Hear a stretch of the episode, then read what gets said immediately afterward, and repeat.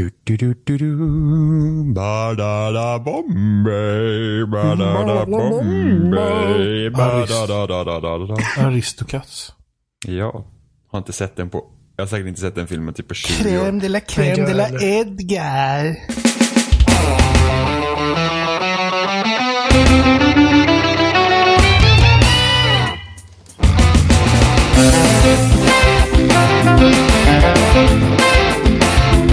Du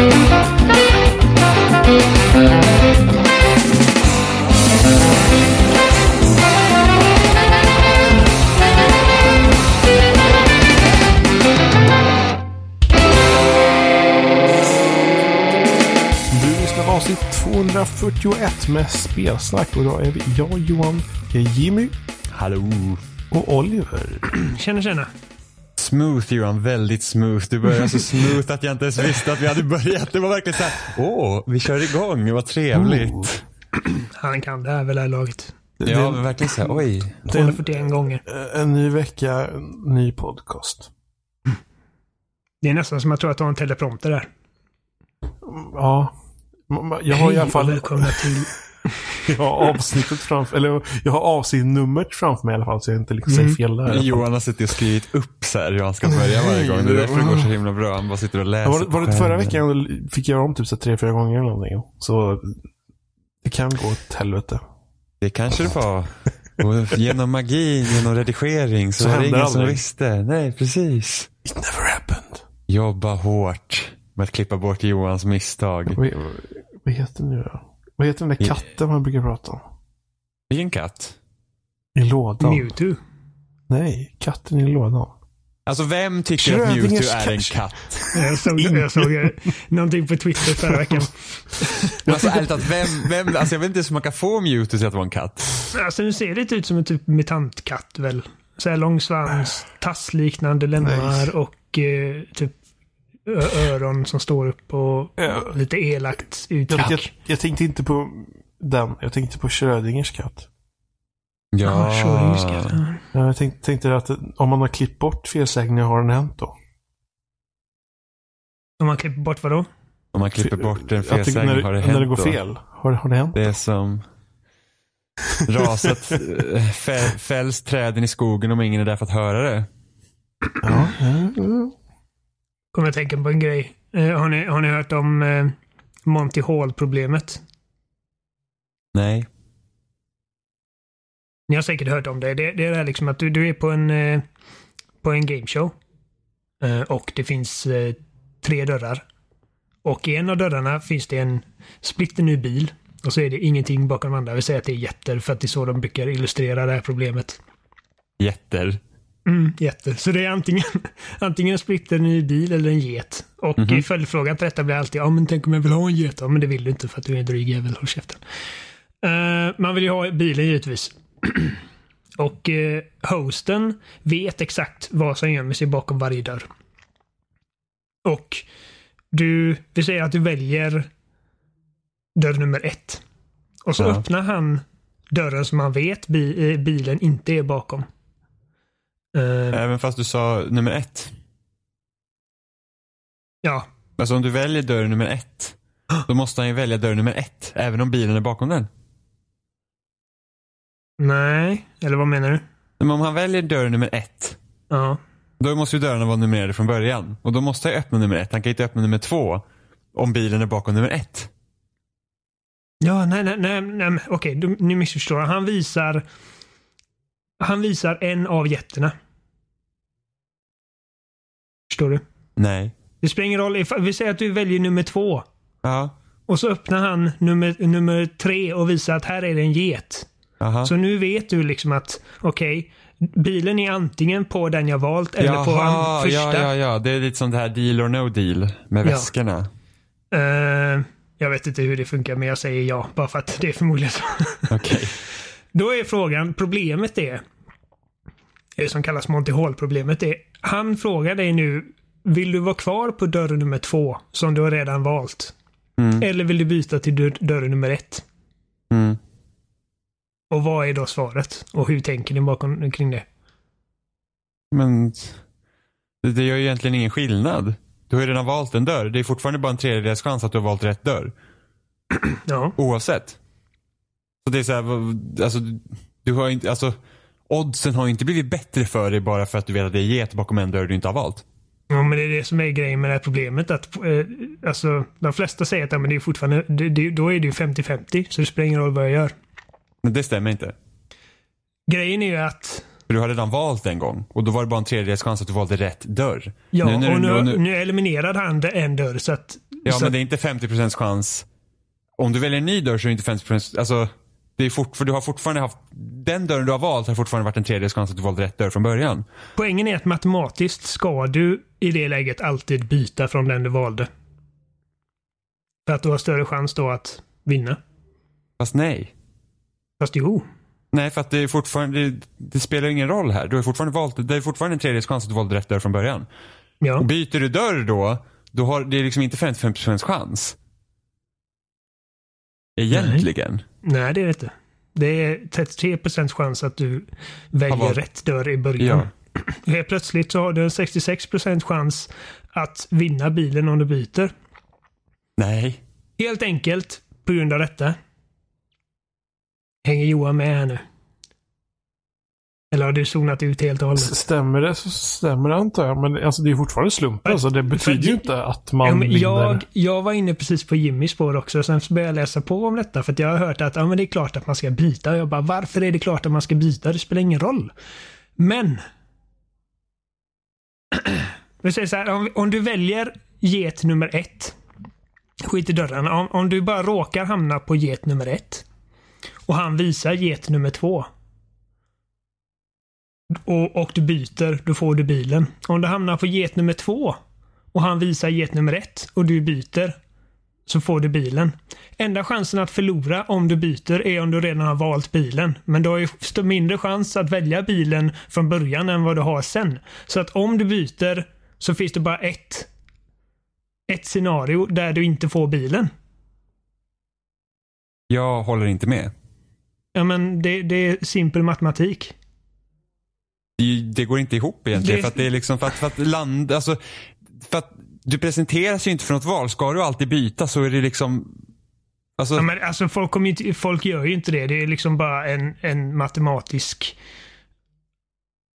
Tänker du he, helt logiskt, då är det e- liksom baserat på eh, variable change och skit som de snackar om. Och att allt det här, måste du byta så du, är det inte ens 50% chans. Du måste inte byta. Nej.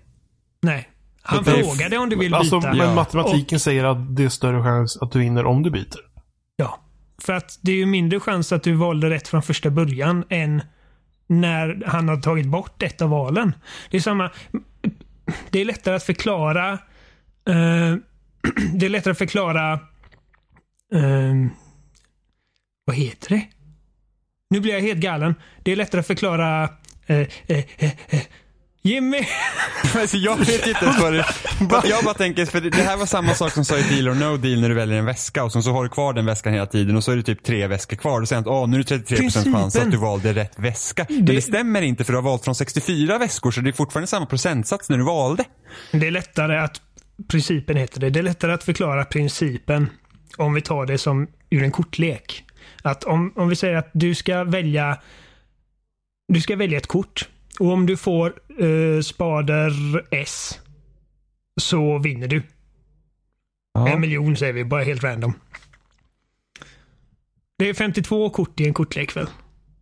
Ja. Ja. Så då har du alltså en på 52 chans att vinna. Ja. Och så väljer du ett kort och innan du avslöjar vad det är för kort så eliminerar hosten alla andra kort förutom ett. Då byter du ju för att det är större chans att det är den som ligger kvar där än den som du valde helt random på en på 52 procents chans. Eller en på 52 chans. Ja, för att då är det en på 51 chans att det kortet han håller i handen är eh, S1. Ja, det som du valde från första början. Nej, det du valde från första början är en på 52. Det kortet han nu har kvar i handen när han har slängt bort alla andra kort är en på 51. Det är snarare 50 på 51. Nej. För han, han, Nej, han, att, han, ta, tar jag ett kort, tar jag ett kort, då har det, att, att chansen att jag tog rätt kort från första början är en på 52. Han slänger resten av alla kort och håller kvar ett kort. Då är det, e- om inte jag valde spader S nu, då är det en chans på 51. Alltså, Att, det, att han to- håller rätt kort i handen. om han skulle ha plockat bort någonting. Nej, okej, att- så ni, ni missförstår. Så här, det, okej, det här är en regel som jag inte har fått... Det här är en regel som jag inte förklarade. Han kommer aldrig eliminera rätt svar. Någonsin. Jaha. Ja. För han Ja, vet han- exakt ja, ja, men, då- men Han då är det ju han skillnad. han Då är det ju, då och är det skillnad. Det är, han helt, det är en helt annan problematik än med Ja. bilen. Han öppnar Ja, ju men- dörren och visar att det Ja, är ja, en men det är som då bilen. Han kommer han bort ett nit. Ja, ja nit, men då, liksom. då, då är det ju skillnad. För att han slänger bort alltså 50 kort, håller kvar ett. Tog inte du rätt kort från första början, då Så är, det större, rätt kort. Ja, då är det större chans att han har kvar det Precis. kortet. För då kom, ja, men så är det Ja. ju inte med bilen Ja. och de två jätterna. Jo, för Ja, han visar Han kommer aldrig visa bilen. Om du har valt bilen så kommer han inte öppna det. För att det får han inte. Han får inte visa bilen. För han vet vart bilen är. Vilken, vilken dörr bilen är bakom. Ja, ja, men han, han, han tar ju upp, han tar ju, han öppnar, eftersom det är tre dörrar så öppnar han ju dörren där det är fel. Ja. Han kommer ju Och- alltid öppna en get, men det är fortfarande st- lika stor chans att du har valt fel eller rätt dörr. Det Nej, ändras ju aldrig. Nej. Nej, Jo, sen, för att du, du har, det är ju... 33% chans att du väljer rätt från början. Ja. Ja. Ja, han kan alltid öppna en dörr som är fel. Alltid. Ja, han kan inte öppna bildörren. Nej, men det, det, nej, jag vet. Men det är klart, för att han kommer ju alltid öppna det här. Bakom den här dörren gömmer sig en get, nu är den borta. Det är, det är en helt annan problematik än med kortleken. Men det är samma princip. Liksom att eh, men du, när- du, du de eliminerar... funkar, de, jo, men, jo, men de funkar inte likadant. Men när, han, tre när, val. när han öppnar dörren med geten. Då vet man ju att det finns en bil och en get kvar.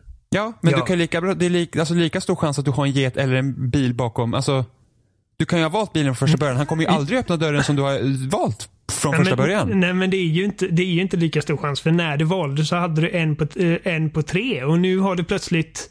Jo, men du behöver inte byta. Alltså valet är ju liksom, om förr gör ett nytt val, då är det ändå 50% chans att om du har rätt, står du kvar på dörren du valde så är det fortfarande 50% chans att du har, om du får eliminera en dörr och du får välja igen, vilket i princip du får göra här, då är det 50% chans att du väljer rätt. Så då kan du lika bra stå kvar.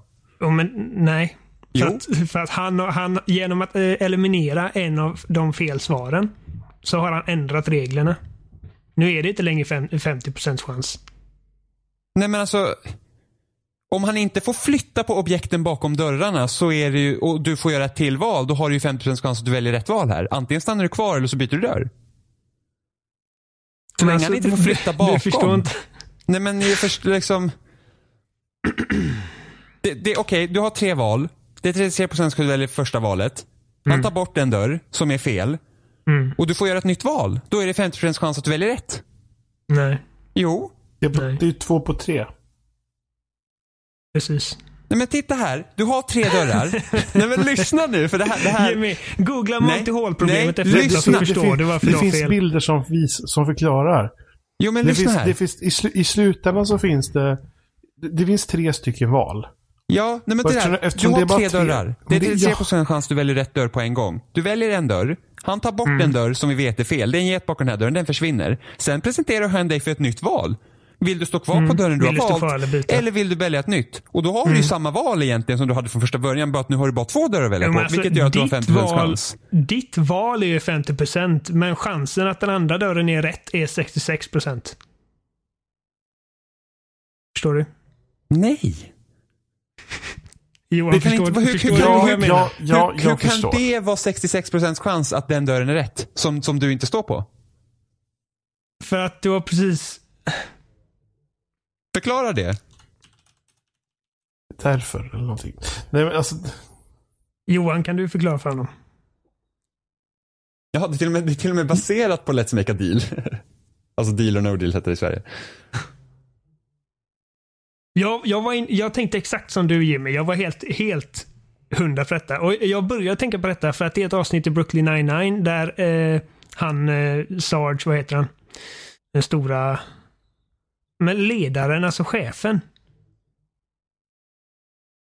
I Brooklyn 99. Andrew Eh. Seeger spelar honom.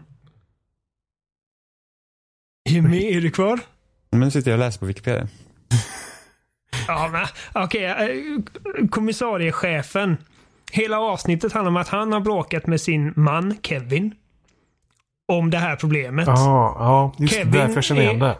Ja, Kevin snack, säger att ja, men det, det, är, du ska alltid byta. Det är matematiskt liksom. Och, eh, och de, hela avsnittet handlar om att de bråkar om detta.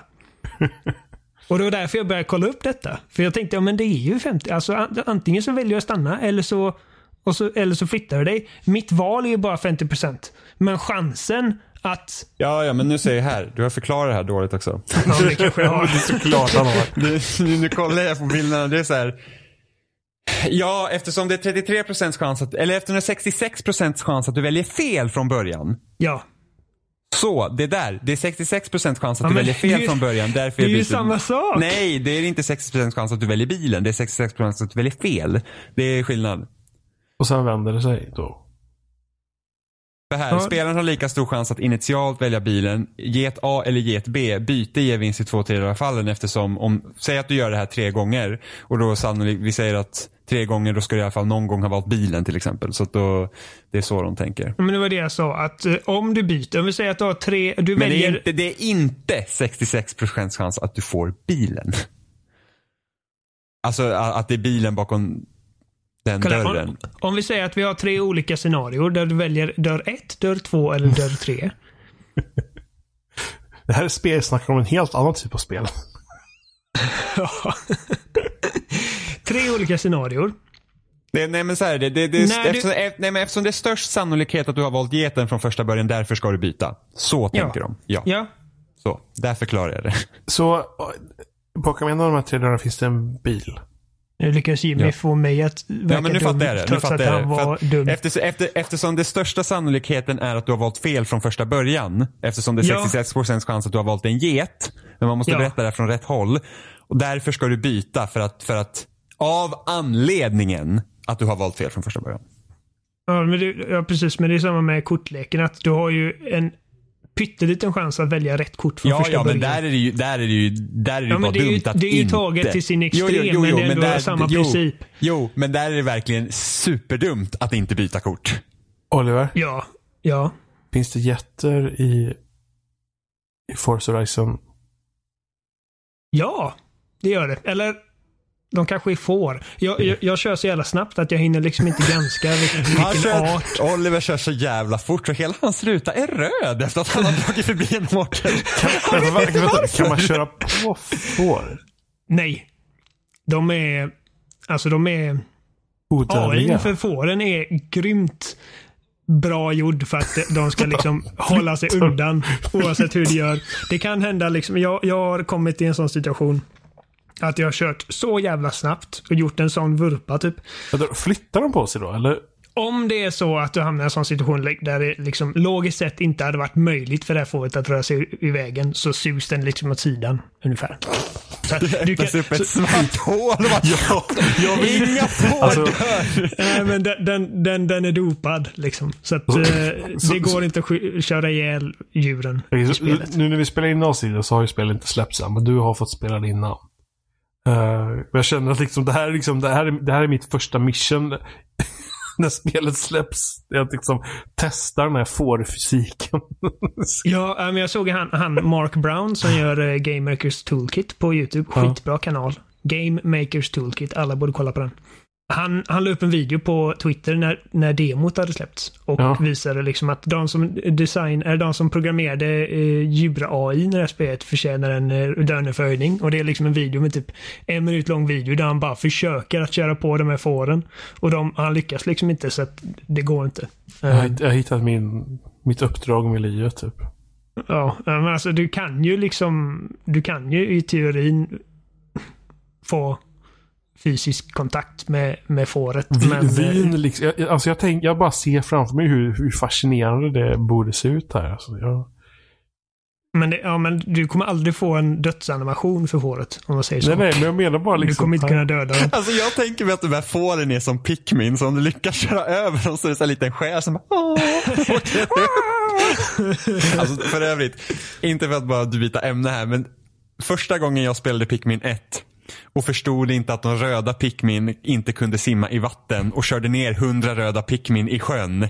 Det var en hemsk upplevelse. Vilken massaker. Ja, verkligen. Ah, alla dog. Det var liksom flera dagar gick jag back där. Pikmin gäller mysigt spel.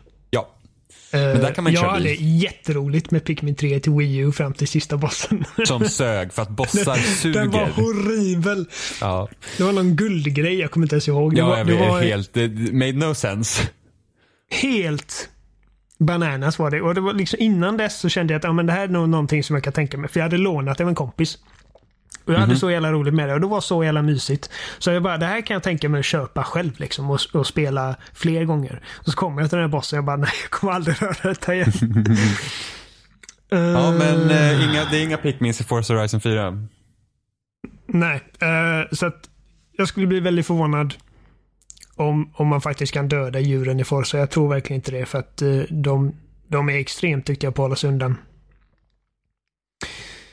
Men jag, jag har spelat, jag har spelat eh, Forza 4, Horizon 4 heter det. Ja, alltså det största, största frågetecknet egentligen här eh, innan spelet släpptes var ju hur faktiskt de här olika årstiderna fungerar. Ja, och det ska jag Hur- förklara för, för, dig hur, nu. för hur fungerar, för att så som Det jag en, har hel- det är en förstått det. vecka. För som jag, ja, precis. Så som jag har förstått det är att varje vecka byter man årstid. Men när jag testade betan, och det är det här jag också undrar då. För att då var det så här, ah, du, du gör dig redo för typ vintersäsongen. Och så så här, måste jag sitta och vänta tills det blir vintersäsong i spelet? Eh, alltså kan inte jag klara kampanjen utan att vänta på att det blir rätt årstid? Nej. Eller jo, jag menar du behöver inte vänta menar jag. Alltså det, det är inte så det fungerar. När du startar spelet Mhm. så kommer du i egen takt ta dig mellan de olika årstiderna. Så att det är inte baserat på något Men- det där. Det, alltså jag tror att det börjar med sommar och sen tar du dig till hösteventet, sen vintereventet, sen våreventet och sen då är du liksom klar med din initiation i princip. Nu Jaha, vet du hur så det, är, spelet fungerar. så det är en tutorial? Ja, fast det känns inte som, som en Nej, nej, tutorial. men alltså det, mm, så ska man säga så att du, liksom, du, du får spela igenom alla årstiderna. Sen Ja. öppnar den här uh, live service-världen upp sig då. För då antar jag att när du Precis. spelar de här olika årstiderna när de byter så spelar inte du med andra spelare än. Precis.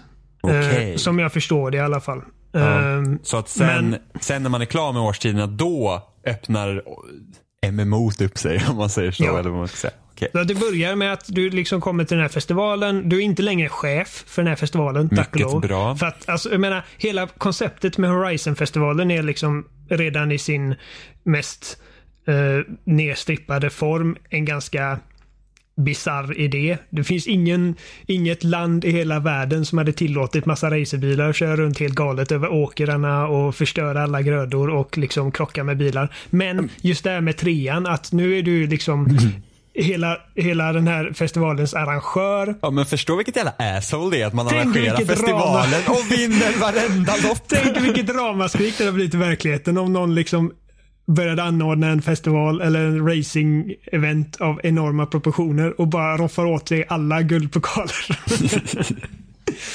Så det är du inte nu, utan istället för fans som var liksom en sorts valuta eh, eh, i trean.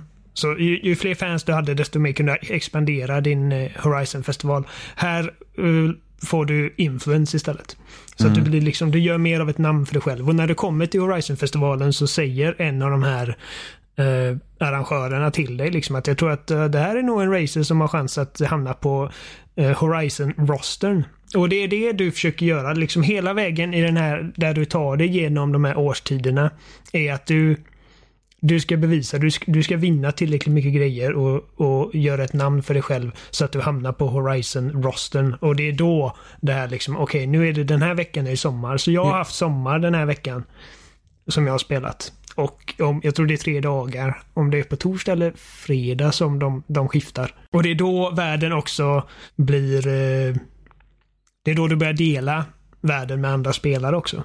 Vilket har varit roligt. Men alltså, en, som, en sån grej som att hitta barnfinds.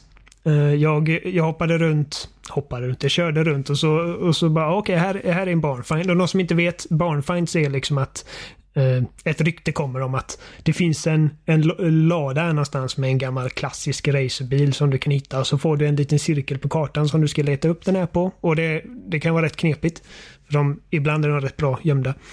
Så jag körde runt och letade i säkert 20 minuter. Sen så märkte jag att det är en annan spelare som kör runt här helt ändlöst. Så jag skrev ett meddelande till honom och bara letar också efter den här barnfinder för jag kan fan inte hitta den. Han bara ja, jag hittar den inte heller. Och så körde vi runt där i en halvtimme till. och blev helt galna. Och till slut så, okej okay, nu hittade jag den. Så skrev jag till honom. Jag har hittat den, följ efter mig. Så började jag tuta på honom och så... Kul man skriver såhär, men jag hittade den för en kvart sedan. uh, och så följde han med mig och så, och så körde jag fram och så tutade jag och så, ja. Så fick vi den båda och så skrev han till mig. Ah, tack så jävla mycket. Nu. Jag kan inte fatta hur lång tid det tog. Jag bara, inga problem. Drive safe och så delade vi på oss. Och det var liksom en sån liten trevlig wholesome upplevelse man fick som man inte hade fått i tidigare spel där det bara är drivatars. För det, det, är något jag gillar med det här konceptet med att de nu försöker göra, alltså öppna upp världen helt och hållet. För det här är någonting som jag tror redan jag har pratat om från och till ända sedan första Red Dead Redemption kom. Mm. För att det var ju för att om man ser utvecklingen, så här, GTA 4 det var mer liksom egentligen traditionell multiplayer-upplevelse. Liksom att man, du, du, du, du liksom skapar en lobby, du hoppar in någonstans och du kan öppna upp så att andra hoppar in. Men Red Dead Redemption var ju verkligen så att när Rockstar pratade om det också så var det tanken liksom att nej men alltså ni hoppar in i en server, sen kan det vara en massa andra människor där. Och i, i min vilda fantasi så tänkte jag, åh tänk om det typ kan hålla på deathmatch-matcher på den här sidan av kartan medan andra är där och så kan man liksom sömlöst joina in. Mm. Nu, nu, var det ju inte så. och det, och det kommer även förmodligen inte Red Dead 2 var, eller GTA 5 var. För att, okej, okay, vi ska inte prata om GTA 5s problem med spellägen som man inte kan spela för att det är helt vidrigt att kunna typ spela tillsammans bara man inte är i den öppna världen. Men skitsamma. Här har de ju faktiskt gjort så att du, inte för att Race håller på liksom i den öppna världen som ni är, men vad jag har sett när jag tittar på gameplay-videos är ju så att när du öppnar ett race så kan du faktiskt välja att antingen köra det med kompisar eller köra det mot eh, Drivatar som tidigare eller köra helt i PVP. Var det en fråga? Nej, det var ett, det var ett statement Oliver. Ja, och så säger du okay. ja, precis Jimmy, så är det. ja. Nej men alla, alla race, så vitt jag vet, Går så är alla event eh, möjligt att köra både solo, ja. co-op eller PVP. Så det, det jag kör liksom solo att... för jag kan inte föreställa mig att inte vinna allting. Nej men och sen är, eftersom vi har ju kört en del Horizon 3 nu inför fyran igen. Mm, ja. och, och, det är så att man spelar online, alltså det, är liksom, det finns alltid en jävel som har trimmat sin bil till absurdum. Så man måste, ja där springer den där lilla Fiaten liksom långt fram och man ja. själv sitter där med en Lamborghini och kommer ingenstans. Den går i mål så 30 sekunder före alla. Så att det går och 30 ju sekunder är långt när man kör liksom 300 km i timmen. Om inte förstås bil, alltså Nej, alltså det, problemet med Horizon med multiplayer det, det är ju det att bilarna går att trimma och fixa och ändra och, och, och, och köra så. Vilket är såklart kul att man kan göra. Men i multiplayer-sammanhang och för någon som inte är bilintresserad och inte riktigt kanske vill ens lära mig så mycket om bilar. Så, så, är, så är det inte lika kul som om faktiskt bilarna hade funnits, alltså vara statiska. Så att du inte kan ändra någonting mer. Utan man får välja en bil och sen så får man bara liksom köra. Uh, det är väl typ det problemet jag har med mm. multiplayer i bilspel överlag. Jag är inte tillräckligt bra helt enkelt. Det är mitt problem. Jag är sämst. Inte heller. Uh, jag... hur, hur, jag hur är... Eller ja? Ja, nej, vad skulle du fråga? Hur är, hur är Storbritannien jämfört med Australien? För att jag älskar verkligen Australien. Den kartan. Jag tyckte att den var fantastisk. Jag älskar Storbritannien. Jag är... Det, det, Alltså nu får man ju säga, nu får man ta allt jag säger här nu med en nypa salt för att jag fick det här spelet gratis skickat till mig på min födelsedag förra veckan av uh, Microsofts PR-team. Och så det ska man, det ska man veta. Men alltså jävlar vad bra det här spelet är. Alltså jag, jag blir chockad om inte detta är åtminstone topp 5 i slutet av året för mig. För att Oj. det här är, ja, det, alltså jag är så fruktansvärt... Jag, uh, igår jag skulle, jag, min flickvän går alltid och lägger sig lite tidigare än mig. Vilket har varit en ständig fram och tillbaka mellan oss i tio år för att jag har varit lite av en nattuggla och hon vill inte sova själv. Hon gillar att somna när jag ligger där bredvid och bla bla bla så att vi har kompromissat fram och tillbaka. Men igår så gick hon och la sig och jag sa att jag kommer om en stund. Jag är inte riktigt trött. Jag ska, jag ska sitta och spela en stund. Jag känner igen det här. var typ tio på kvällen. Sex på morgonen tänkte jag, nej nu måste jag fan sluta. Men hur händer det? Det är liksom inte, där kan man inte säga att det är ett misstag Oliver. Men, nej men alltså det här spelet är så grymt jävla beroendeframkallande. Och det, är så, det, alltså, man... det är sådär som jag fastnade med förra spelet när det släpptes. Ja. Alltså jag satt hur länge som helst och körde. Mm. Och jag, alltså, jag... Eh, så här, jag tror typ tre på morgonen kanske så börjar jag känna så här att okej, okay, nu ska jag inte börja sätta mig med nya race för att om en halvtimme går hennes väckarklocka. För hon har typ åtta alarm. Eh, från typ tre tills när hon faktiskt går upp, bara för att hon ska faktiskt gå upp. Och jag tänkte att ifall hon vaknar och märker att jag inte gått och lagt mig kommer hon him himla med ögonen och säger bara Jag sa att du inte skulle komma och lägga dig. Eh, så jag vill inte ge henne den satisfaction. Så jag tänkte jag ska vara tillbaka i sängen innan hennes eh, första larm går. Det var ju helt kört. Jag var ju typ tre timmar sen. Och så vid tretiden ungefär tänkte jag okej, okay, det är en halvtimme till larmet går. Nu ska jag inte signa upp för fler event, utan jag ska bara wrappa upp. Tror inte att jag liksom, för, och, och så kommer det liksom, okej, okay, ett live-event börjar nu. Eh, uh, Forzathon live-event börjar uh, typ i Edinburgh. Som är spelets stora stadsmiljö. Edinburgh är så jävla London mysigt. finns inte. Nej, var sträcker, var sträcker sig det här spelet? Är det, är det liksom, eh, är det typ delar av Skottland och delar av England eller vilka delar av Storbritannien är det? Det är inte jättetydligt för någon som inte liksom är alltså, de, de har väl på, tagit ja. lite delar från några så det blir lite olika miljöer antar jag och så har de liksom ja, klistrat ihop alltså, det på något sätt. I och med att Edinburgh är eh, Skottlands huvudstad så antar jag att det är liksom huvudsakligen Skottland. Du har, du har dina liksom jättevida solrosfält. Du har dina eh, kullar och dina små liksom typ mysiga engelska byar. Du har bergiga områden och dina mer skogstäta områden. Och så har du motorvägarna och så har du Edinburgh och liksom allt däremellan. Eh, och just att Just det här med att de har säsonger nu, eller eh, årstider i det här spelet, gör så jävla mycket för variationen. För att jag kommer ihåg när jag var på vintern första gången. Jag har bara varit på vintern en gång. Så första gången.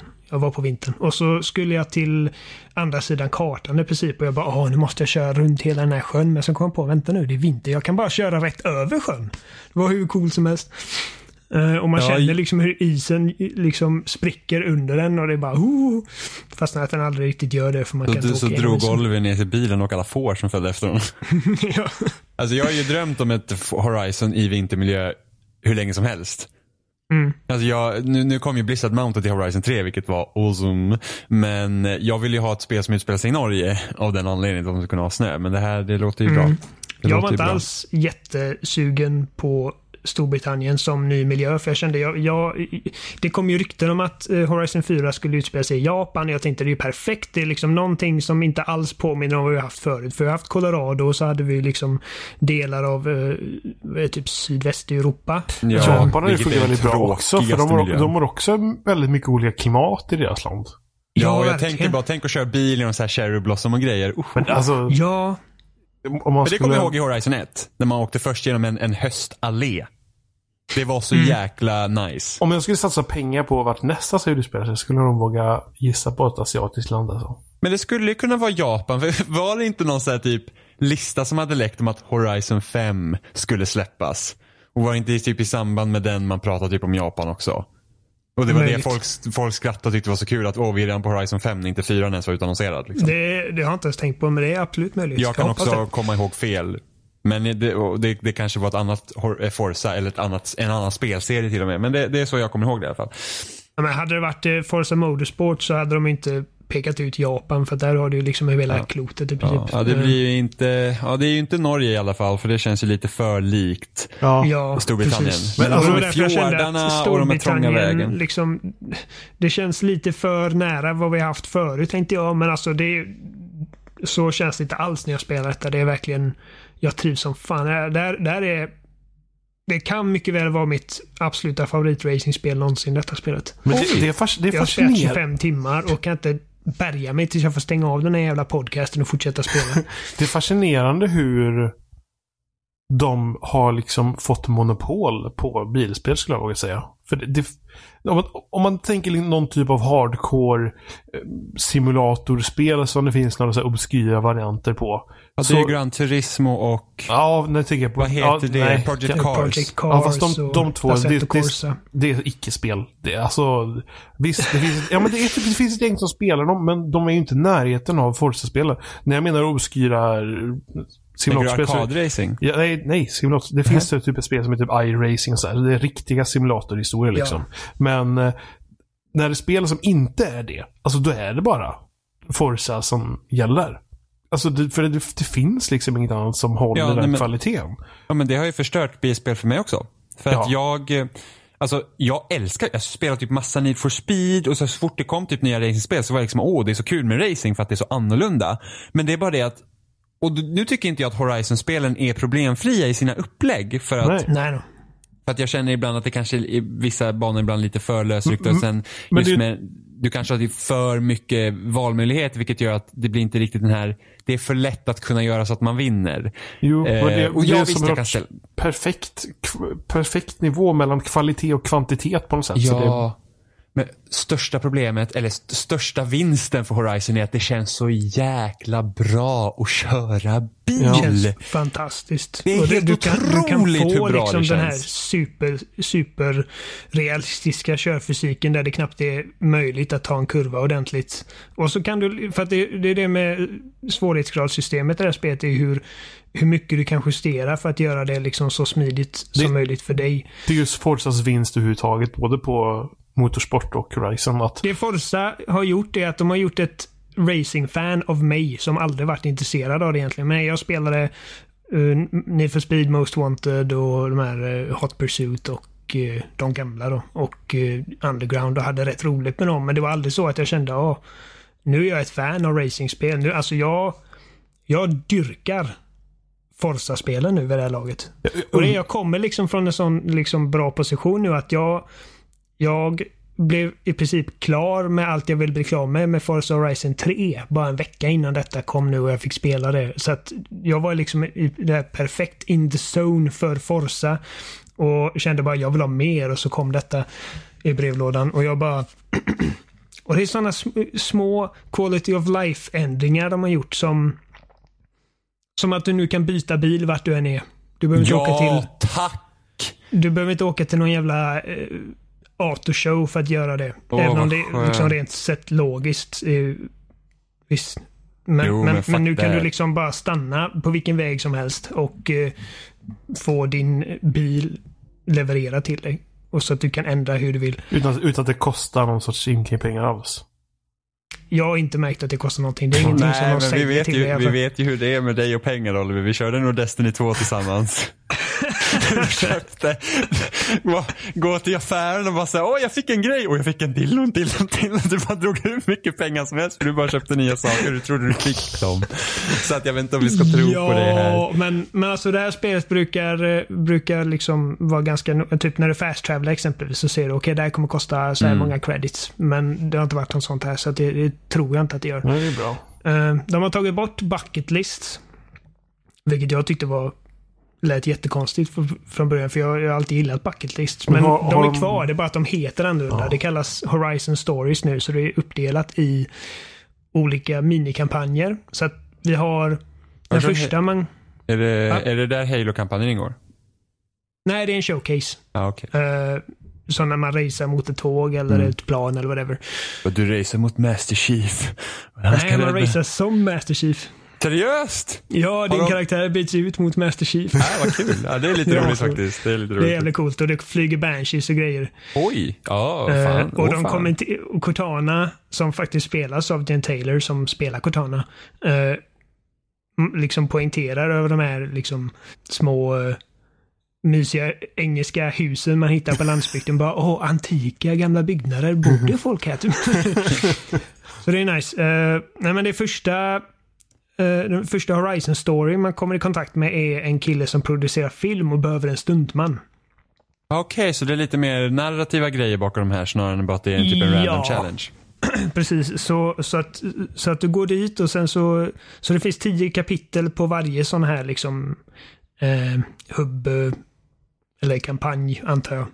Eh, Ja. Och eh, så att han säger att ja, men vi håller på att spela in den här scenen bla bla och vi, vi behöver någon stuntman. Kan du köra den här? Så, så åker man till något, något ställe och så gör du stuntet som involverar antingen att köra väldigt snabbt eller typ att hoppa över en, eh, hoppa, hoppa över en ramp. eller Ja, bara, så det, liksom, det är exakt som bucket challenges. det är som bucket lists med liksom lite mer av en typ narrativ linje och eh, ja. eh, Och sen så möter man en en streamer som vill sätta upp events som påminner om hennes gamla favoritracingspel. Så okej, okay, nu kör vi outrun så man kör en Ferrari nerför ett berg. Eller okej, okay, nu, nu, har vi Project Gotham Racing så nu ska vi köra den här bilen längs de här, alltså så här gamla racing eh, inspirerade event. Och så mm. har vi Drift Club som handlar om att drifta och så har vi... Ja, men det, det låter lite som en så här att men lite som Horizon 3 var ju att det fanns lite allt möjligt i och det verkar som de har typ utvecklat det ännu mer. Så att det är liksom lite... Ja, de har strömlinjeformat uh. lite och det, det, jag tycker att det är mycket mer överskådligt eh, i... För att nu kan det vara så att jag, jag började spela Horizon 3, körde det typ 20 timmar, sen lät det vara i ungefär ett halvår innan jag kom tillbaka. Men då var jag liksom ganska lost i vad, vad är det jag ska fokusera på nu? Här känner jag att det är mycket lättare att hålla koll för att varje, varje event är liksom en del av en övergripande serie. Så att, och du går liksom upp i level i uh, dirt racing, off, uh, cross country, street racing och allt sånt. Så att det är liksom lätt att hålla koll på vad, hur långt man har kommit i varje grej och vad, liksom, vad du bör fokusera på sen. Och sen mm. finns det också season exklusiva grejer som du inte behöver hoppa in i om du inte vill, men som finns där baserat på så nu, nu är det liksom sommar-challenges eller race nu då. Mm. Och det är Championship som man kör. Och så har man eh, ett extra lager av utmaning på de här som det kan vara typ att eller alla hittills som jag har spelat på den här säsongen har varit eh, olika lager av först så om du när, när du gjort alla tre race i det här Championshipet om du då är på mellan tredje till första plats, bleh, platt, första plats mot above average driver tars så får du en extra credit bonus. Och sen om du är, kommer först över uh, above average eller high, highly skilled så får du en extra wheel spin. Och sen då sista om du vinner på första plats över expert så får du super wheelspin, vilket är, det är tre wheelspins i en med, med ännu mer, eh, med större chans på legendariska vinster. Och du vinner inte bara pengar och bilar i wheelspins nu, utan det är även kläder, emotes, eh, Ja, just det, för att karaktärerna har emotes och grejer. Just... Ja, så du, du, kan ha liksom två aktiva emotes. Så den första är liksom när du står och väntar på att liksom börja racet och, och så har du en då när du, när du har vunnit. Alltså det, det känns som att de har, de har mycket mer linat in mot det här goofiga hållet än tidigare. Jo, men det, det känns inte nödvändigtvis jättegoofy. Alltså jag vet inte, jag, jag tror att, alltså när man ser typ sin karaktär flossa på typ ett berg, när det är så här typ foto opportunity, det ser rätt så roligt ut faktiskt. jag bara tänker om, om en snubbe liksom har typ vunnit ett festivalrace, eh, så kan jag tänka mig att liksom lite dance moves är okej. Okay. Jag hade aldrig ställt mig och dansat. Men, sen, finns det, sen finns det ju liksom fjantigare emotes än andra och liksom man kan klä sig lite töntigt med typ guldbyxor och grejer. Jag håller ju min karaktär ganska, liksom, ganska normal. Jag, hade, jag tar inte på mig någonting som jag inte hade kunnat ha på mig i verkligheten. Bara mankinis för Oliver. Ja, precis. Precis. Nej, så att det. Uh, alltså, det, det, jag hade kunnat prata om det här ännu längre för att jag tycker det är hur jävla bra som helst. Det är det, det är, Hur bra som helst. Det är kul för att man, alltså, det är som man kände efter Horizon 3, så bara, vad ska de göra härnäst? Du vet, ja. Det blir alltid det här, vad, gör man, vad gör man sen? För att det, men jag tycker ändå Horizon är ändå en spelserie som ändå lyckas med varje nytt spel. Har de ändå, det känns inte bara samma gamla. Utan Nej. det känns faktiskt som att det är en, en ett ny, ny del i serien. Och det är Fast kul. att de ändå kommer ganska liksom konsekvent. Ja, det, är, ja, det har varit varannat år. Så att ända sedan det första kom. Så mm. att det, det, det är kul. Det är kul att det, det, det är så. Ja, det, är, riktigt, det är riktigt kul. kul. Det, ja. det är bara sprudlar och spelglädje i det här spelet. Det, jag, det är jag, så tycker, jävla roligt. Jag tycker synd om Electronic Arts och Ghost. Just det, ja. Men det har inte gått så bra för det spelet. Nej, får se när mm. Need for Speed kommer tillbaka. Alltså jag skulle vilja ha en, eh, en reboot på Need for Speed Underground. För jag vill kunna pimpa mina bilar med fucking lysrör under dem och Fast grejer. Det, det, det hade ju snarare varit ett skönt med ett spel som inte var öppen värld i så fall. Ja, alltså det, de hade kunnat vara som Underground 1 så att du ja. kör bara race på race på race. Ja, men det har varit Då nice. hade man kunnat göra. För då jag- hade, då, hade du skulle- inte behövt, då hade du inte behövt tävlats mot deras... Horizon. Nej, precis. Nej, men då, jag då tror ju att längre. om jag tror ju om EA bestämmer sig för att ett nytt Need for Speed ska utvecklas och om det skulle vara underground igen då tror jag att de bestämmer att det ska vara ett öppet värld, en öppen värld. Jag tror, liksom att det, jag tror att de känner att det är typ som ett krav. Skulle jag tro. Ja, det, så kan det ju vara. Ja, men så för att avrunda Forza. De enda två grejerna jag inte gillar med spelet just nu är att jag dels tvingas välja mellan 4K och 60 FPS. Och jag menar det är, det är en sån jävla ilandsgrej men jag älskar 60 FPS. Men alltså jävlar vad mycket snyggare spelet är i quality mode. Med, för att det är inte bara upplösningen som buffas utan även effekter, skuggor ser mycket bättre ut. Så just nu, jag tror jag kör de första 20 timmarna med 60 frames per second och sen bytte jag till quality. Vilket var lite jarring i början men nu är det liksom bara asfalten är så snygg. Skitsnyggt spel. Och sen att skill och perk-systemet är lite konstigt för att nu Nu är det per bil. Nu är det per bil precis. Så att de, de perks jag har applicerat på min eh, på min McLaren P1 kommer inte liksom gälla för min eh, Lamborghini Huracan. Vilket känns lite konstigt. Ja, men jag känner att Jag har- Horizon är ett spel som inte hade behövt ha perks. Nej. Jag, jag, ändå, jag har ändå hållit mig till typ en bil nästan hela... I, i, en bil till, alla racer man kan liksom välja vilken bil som helst här. Eller så. Mm. Så har jag nästan hållit mig till en bil och det är ju min Volvo, Ja, man har sina favoriter. Jag har ju liksom min favorit S2-bil, jag har min favorit av S1-klassen och, och jag har min favorit Buggy och min Dirt Racing och bla bla. Så att det ju, behöver inte vara ett problem och jag har mycket mer skill points än vad jag liksom har att göra mig av med egentligen. Jag, jag har, jag tror att typ 90 oanvända. Så att det är inte det att man inte får tillräckligt för att faktiskt bygga ut de bilar man vill bygga ut. Men det känner jag, det är lite överväldigande liksom att tänka på det. Så att det men sen så, alltså jag... Jag använder ju knappt skillpoints i de föregående spelen ändå. Så att...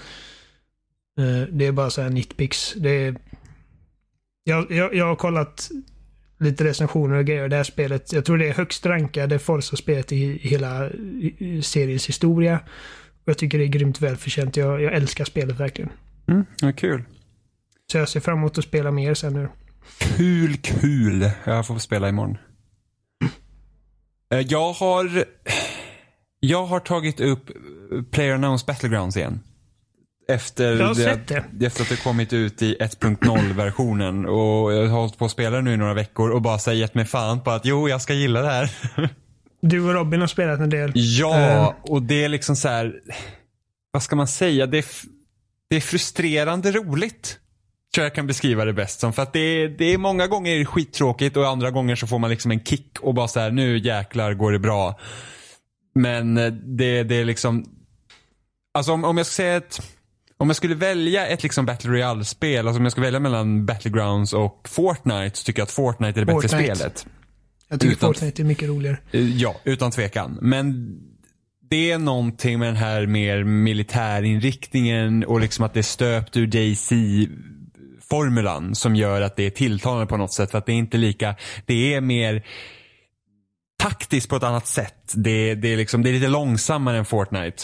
Och just det att, Och större också. ja och sen så, fast det finns, nu finns det en lite, lite mindre bana. Okej. Så att, att, men, men det, det så, att, så att jag och Robin har spelat det väldigt mycket nu och, och försökt liksom bli bättre på det och det och det, det, det är så frustrerande emellanåt att vi hamnar i hela tiden i situationer där blir vi omringade. eller Liksom att, att vi, liksom, vi ser inga människor och sen kanske man ser någon framför och börjar skjuta på dem lite och då kommer någon i ryggen. Alltså det händer så ofta och man liksom bara säger det finns ingenting vi hade kunnat göra där. Liksom, vad, vad ska vi göra? Någon kom i ryggen. Liksom, tur för den. Så att, att spelet liksom baseras ändå på en hel del tur. Att man måste ha lite flyt på banan. Men... Så det känns som, som ursäkta nu avbryter jag, men Ja. jag vill bara, alltså, när, när vi spelar, och särskilt din spelstil är ju väldigt så här, man, man är passiv, man liksom kollar sig två, båda, eh, båda håll innan man går över vägen, den typen av liksom eh, förhållande, förhållande Mm. jag kan inte ens prata då. Förhållningssätt till strategier. I alla fall den, den känslan jag får av att hur du spelar det. För att det är ofta så det blir liksom att vi, vi tar det väldigt försiktigt. Vi tar skydd hela tiden och vi tar det långsamt fram. Och jag känner att de som verkligen älskar de här spelen, det känns som att, att De är sådana som hoppar in och verkligen satsar järnet och om de dör så dör de tidigt och då känns det inte lika jobbigt att dö. Ja, nej, men alltså det, det, det blir så att man, när man blir mer van vid spelet så spelar man, alltså jag och Robin vi spelar mycket annorlunda nu än vi gjorde för två veckor sedan till exempel. Okej. Så att vi också tar mer risker och så här, vilket gör att vi dör mycket tidigare och sånt. För att, för att Ja. vi liksom hamnar i den situationen att vi måste lära oss hur vapnen fungerar.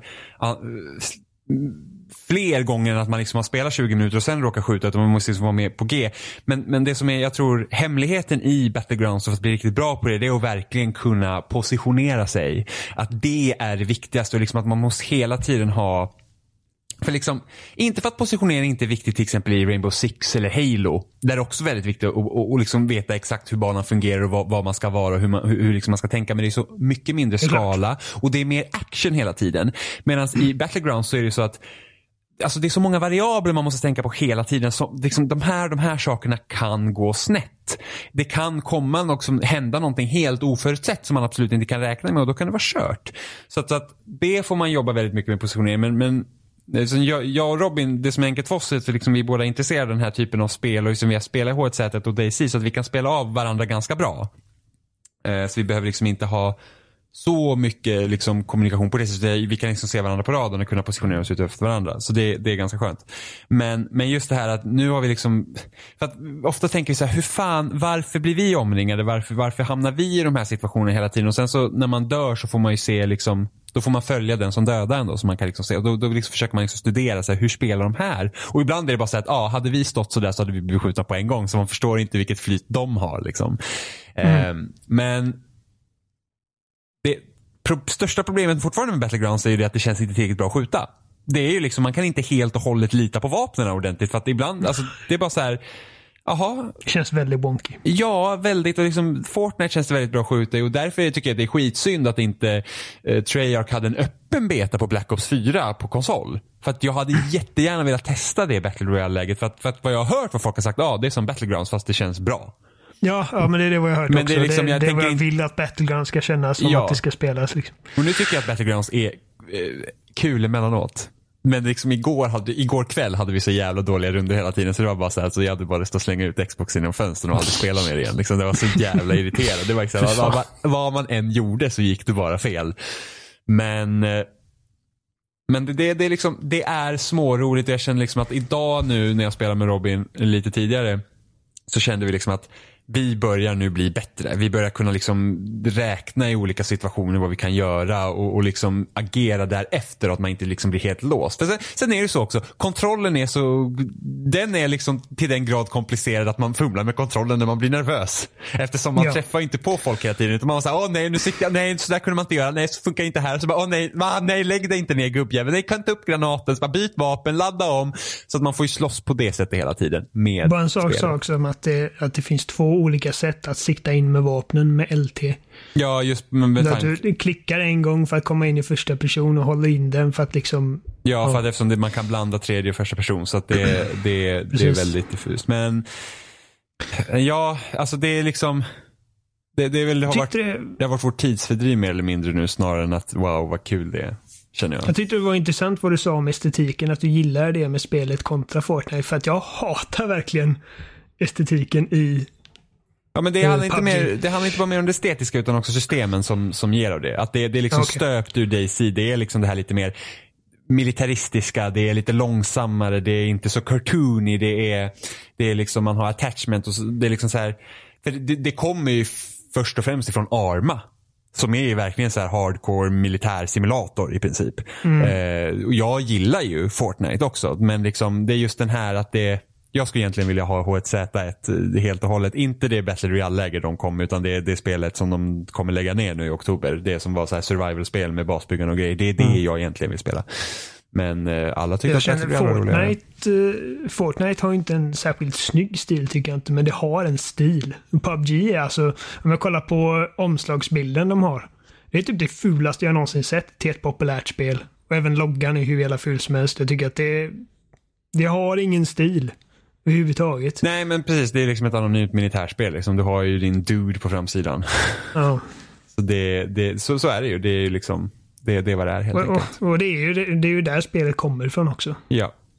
Så att det ska man väl kanske inte Men det känns i alla fall betydligt bättre just nu än vad det gjorde när det släpptes på Xbox One. För att det, det var fan, det var till och med svårt att gå in Ja, genom en dörr. För att det var liksom så här, det kändes bara som att delay i knapptryckning och allting. Det var horribelt. Men nu, nu, nu, nu är det i alla fall nu- spelbart.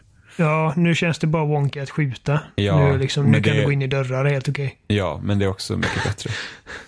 En ny milstolpe. Ja, verkligen. Eh, och sen, sen släpptes Hollow Knight släpptes igen.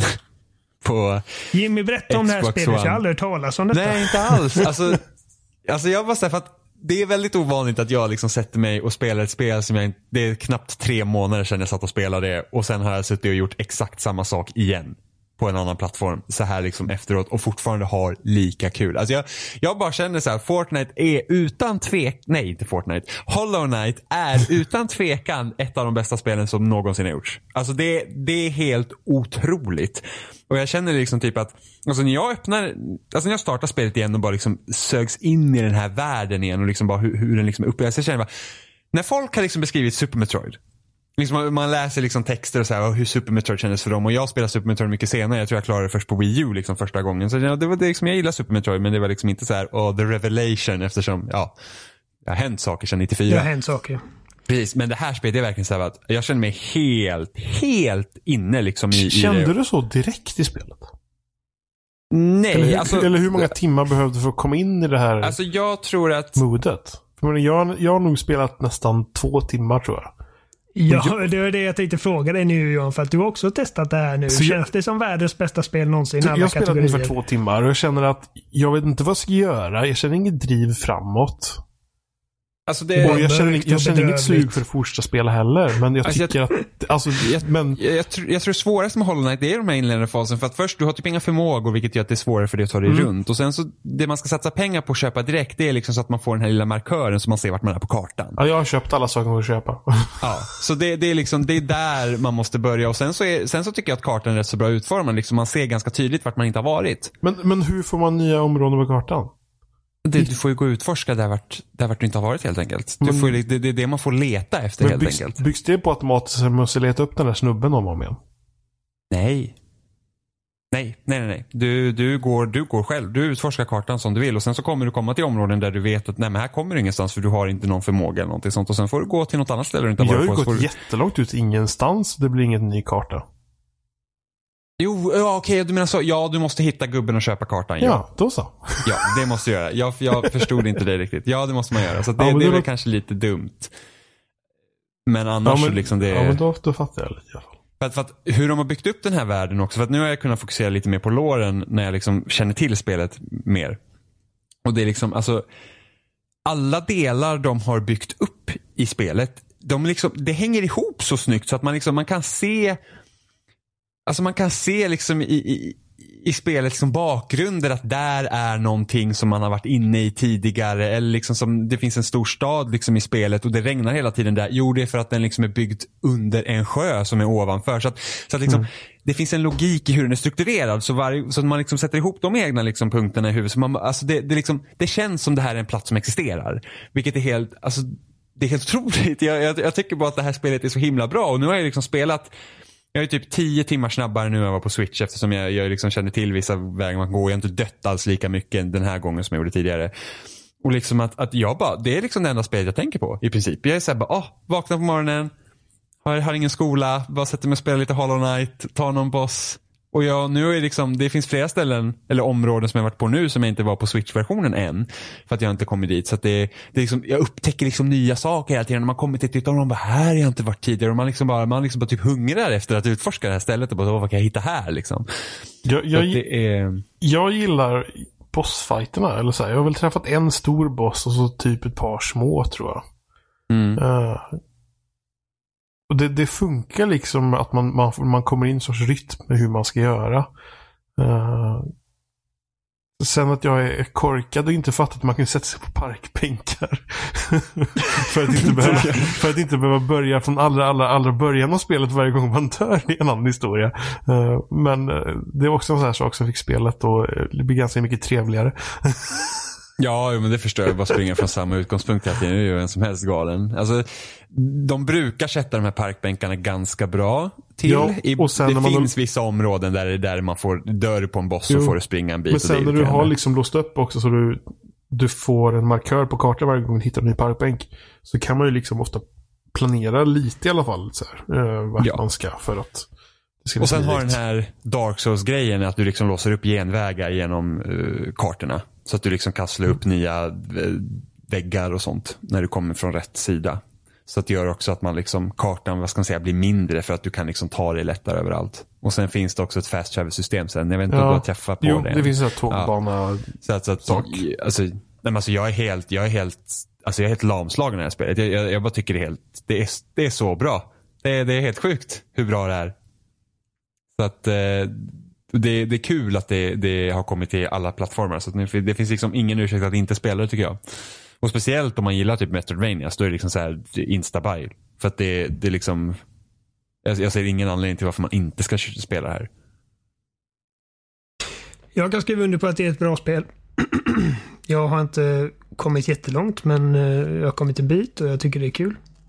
Så att jag håller med att om man gillar den genren så kan man absolut spela Hollow Knight. Alltså jag har ju typ spelat totalt 40 timmar nu av det i år. Mm. Så att det på båda Switch och här. Så att det, det är riktigt, riktigt Jag ser fram emot dagen då jag inser också att det är ett av världens bästa spel någonsin. Dit jag inte riktigt kommit än. Alltså det, det, är, det, det är så bra. Det är så bra. Mm. Ehm, det släpptes ju en, en ny gameplay-trailer på, på Red Dead Redemption 2. Kan inte det spelet släppas nu snart? Alltså, Men alltså jag är fortfarande när jag kollar på den här trailern och jag liksom känner ingen hype. ja, men det, det är inte trailersen som har Nej, gett, men alltså- gjort mig sugen. Det är alla vad folk som har spelat det berättar om det. Jo, jag vet. Och det är liksom så här. Ja, det kan vara blandning av den vanliga typ överdriften där man spelar typ 10 minuter eller liksom en timme av någonting och känner liksom att wow det är amazing och sen så slår man ut det på en eh, 40 timmars lång resa och så är det inte lika kul. Men av trailern att döma när man tittar liksom på och, och vad de har sagt att de skulle vilja göra. Lyckas de med det här att, att, liksom att världen ska vara mer organisk och att det här att det, det handlar inte om att leta questmarkörer utan att du liksom du lever dig in i världen och saker händer dig. Det är lite den här filosofin som egentligen Breath of the Wild levde sig igenom. Var det att du, du jagar inte en markör på kartan även om nu, nu fanns det ju sådana i Breath of the Wild men inte, inte till den gräns, inte Assassin's Creed-nivån. Inte till den graden. Precis. Nej. Så, så liksom blir det så att istället för att du hela tiden jagar en punkt på kartan så faktiskt så, så, så går det genom världen. Och det är lite så jag, jag känner liksom att det är den här filosofin de, de kör med. Och lyckas de med det och få det att kännas bra och för det här var ju någonting som de även med, med första Red Dead Redemption var att det, det var de här eventen som kunde hända. Och, och, liksom, och det, det var ganska nytt på den tiden när Red Dead Redemption 2 kom. Liksom att det var någon som blev rånad och sådana grejer. För det, det pratar de också om. Och det här är ju en vidareutveckling med det. Och liksom då, då är det liksom en värld man kan leva sig in i och lyckas de med det så är det, ju- så är det ju skitbra. Sen så finns det ju en annan, mest som jag oroar mig över eftersom det är ett Rockstar. Och det, och det här tänker jag liksom jämföra med till exempel, jag, alltså, jag tror den bäst, min favorit öppen värld, liksom AAA-spel den här generationen, det är Witcher 3. För jag kände liksom att det var verkligen lätt att leva sig in i den världen som Geralt. Och liksom att, att, att, att det är också precis som Hollow Knight kändes som att det var en, en riktig plats. Eh, och det som talar emot Rockstar här, och det är inte för att jag inte gillar Liberty City i GTA 4 eller eh, eh, Los Santos i GTA 5. Men det, det är det att karaktärerna runt om är ofta karikatyrer av saker vilket gör att det känns som att det går inte riktigt att ta det på allvar på det sättet. Om ni förstår vad jag menar.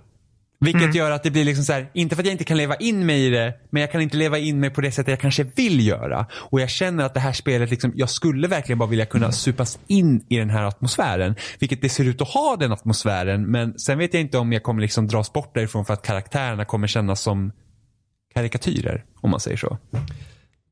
Så, så som jag har förstått det så kommer inte karaktärerna vara lika liksom färgstarka och överdrivna i det här spelet som typ GTA 5. Men sen så har inte jag ett problem med det här liksom att, att karaktärerna i Rockstar-spel många gånger är som en sorts satir på en viss stereotyp. Jag tycker att det, det är vad Rockstar gör så jävla bra och det, det är en av de största anledningarna tror jag till att jag minns typ alla karaktärer i de här spelen medan jag glömmer alla karaktärer i andra open world-spel. Um, jag, jag är inte orolig för att för, för just den biten.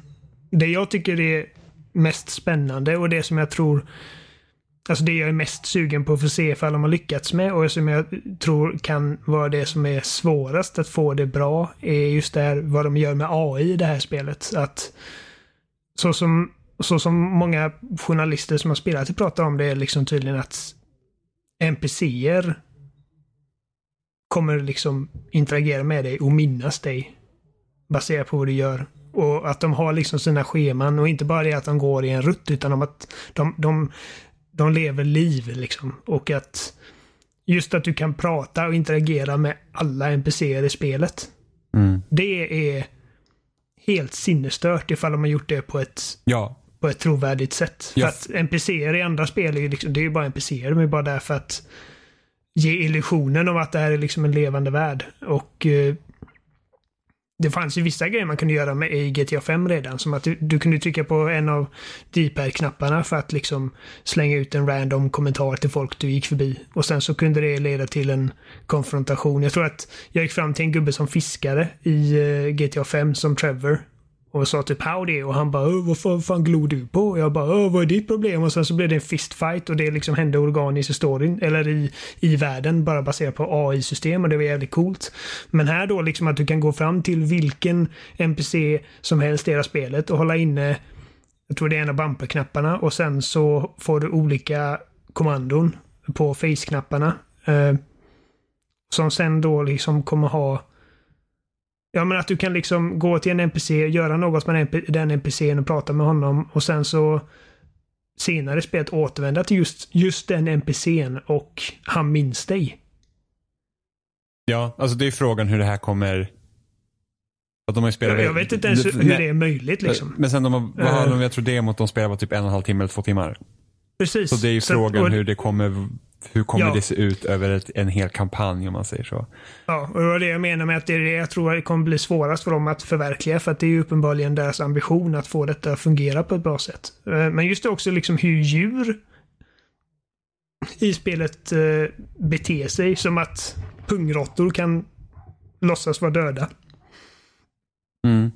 Ja, men alltså, Eh, jag, hopp, alltså jag hoppas ju verkligen liksom att, att, att, att de höjer liksom ribban för, en, för ett open world-spel. Alltså det, det är för att nu, för att seriöst, man är ju jävligt less på Ubisoft-modellen, ärligt talat. eh, ja, För det är ju den som har varit liksom, alla som har gjort open world-spel, i princip alla, går ju efter den formulan. Och den har liksom spelat ut sin rätt. Även de börjar överge det nu. För så som jag förstår så är Assassin's Creed Odyssey också mer åt Breath of the Wild-hållet genom att du ska inte jaga markörer utan du ska faktiskt spela i, i världen. Du ska faktiskt Ja. föra i världen. Så, så det är väldigt skönt att man, att man börjar köra på den filosofin istället för att, för att det är ju, det tar ju faktiskt en ut en ur eh, upplevelsen när man hela tiden kollar på kartan och säger där är markör, dit ska jag gå och sen så liksom, då går man dit.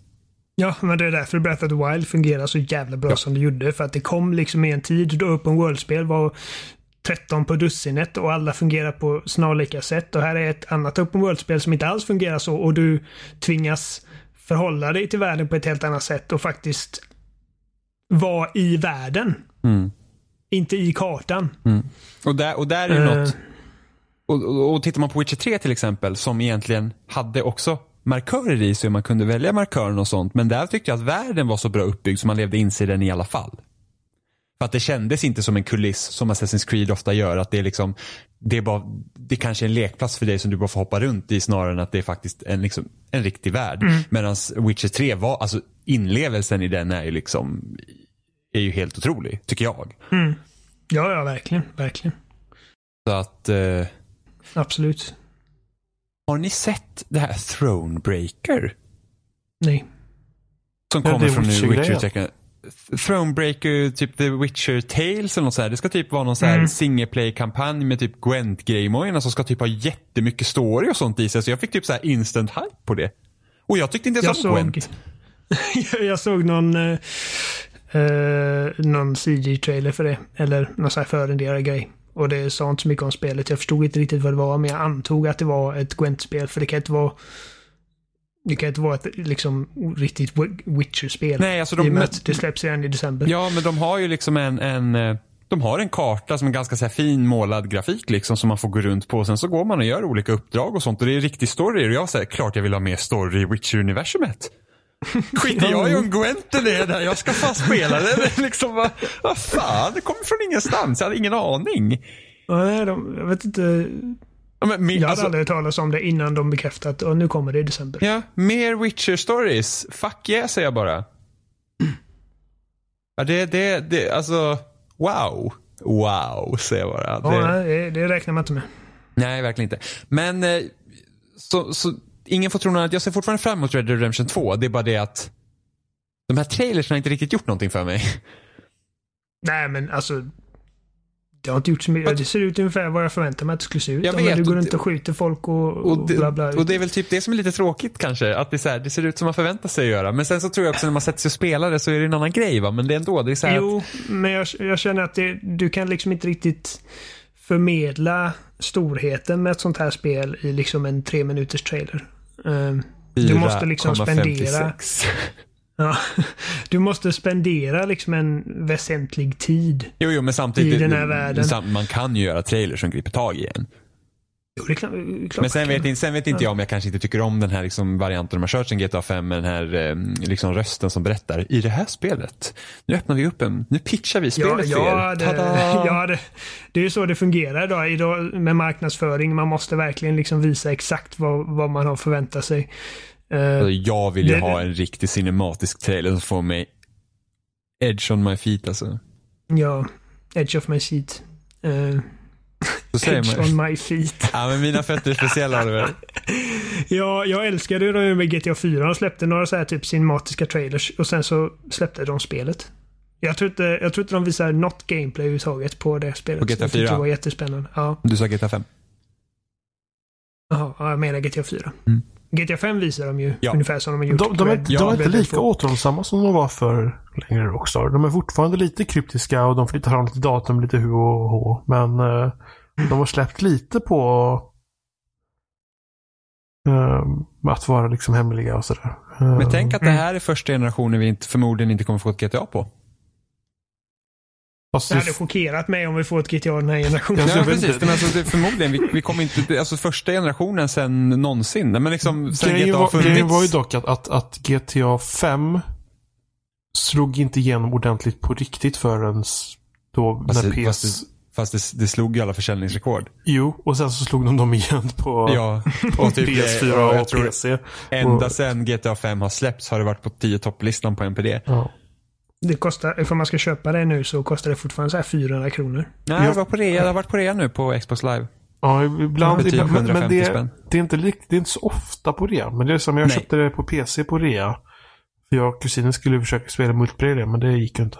Nej. Eh, Det multiplayer-läget suger. Jag... Eh...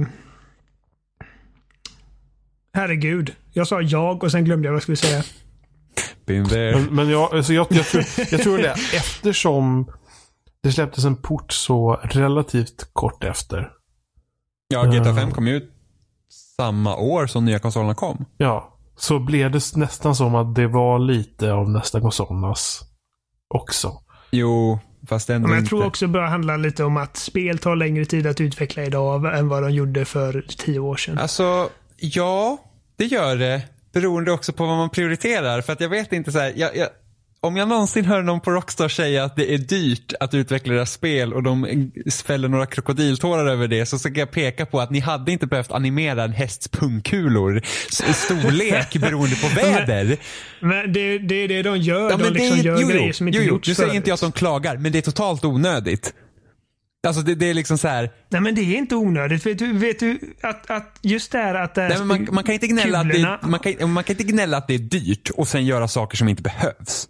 Nej, nej, men alltså just det här med att kulorna växer och krymper baserat på temperaturen. Det har ju blivit en enorm grej på internet, vilket givetvis är positivt för dem. Ja, jag vet, jag vet, jag vet. Så Jag att det är vet. sådana detaljer som, sånt, sånt är ju jätteviktigt. Alltså har du någon gång känt liksom behovet av att fan, det här spelet hade gjort sig jävligt bra med pungkulor som kan ändra storlek? Nej, men nu när det finns så kommer jag aldrig vilja spela ett spel med en häst som inte har krympande pungkulor någonsin igen. Det är så det fungerar. Alltså, Det som, nu, jag hade aldrig tänkt på att jag vill ha vibrerande triggers förut och sen spelade jag Forza 5 och nu vill jag aldrig spela ett Det här- racingspel det utan. roligaste är att det här har jag faktiskt tänkt på när det vibrerande triggers och jag tänker inte på vibrerande triggers längre så att jag bryr mig inte om de existerar eller inte.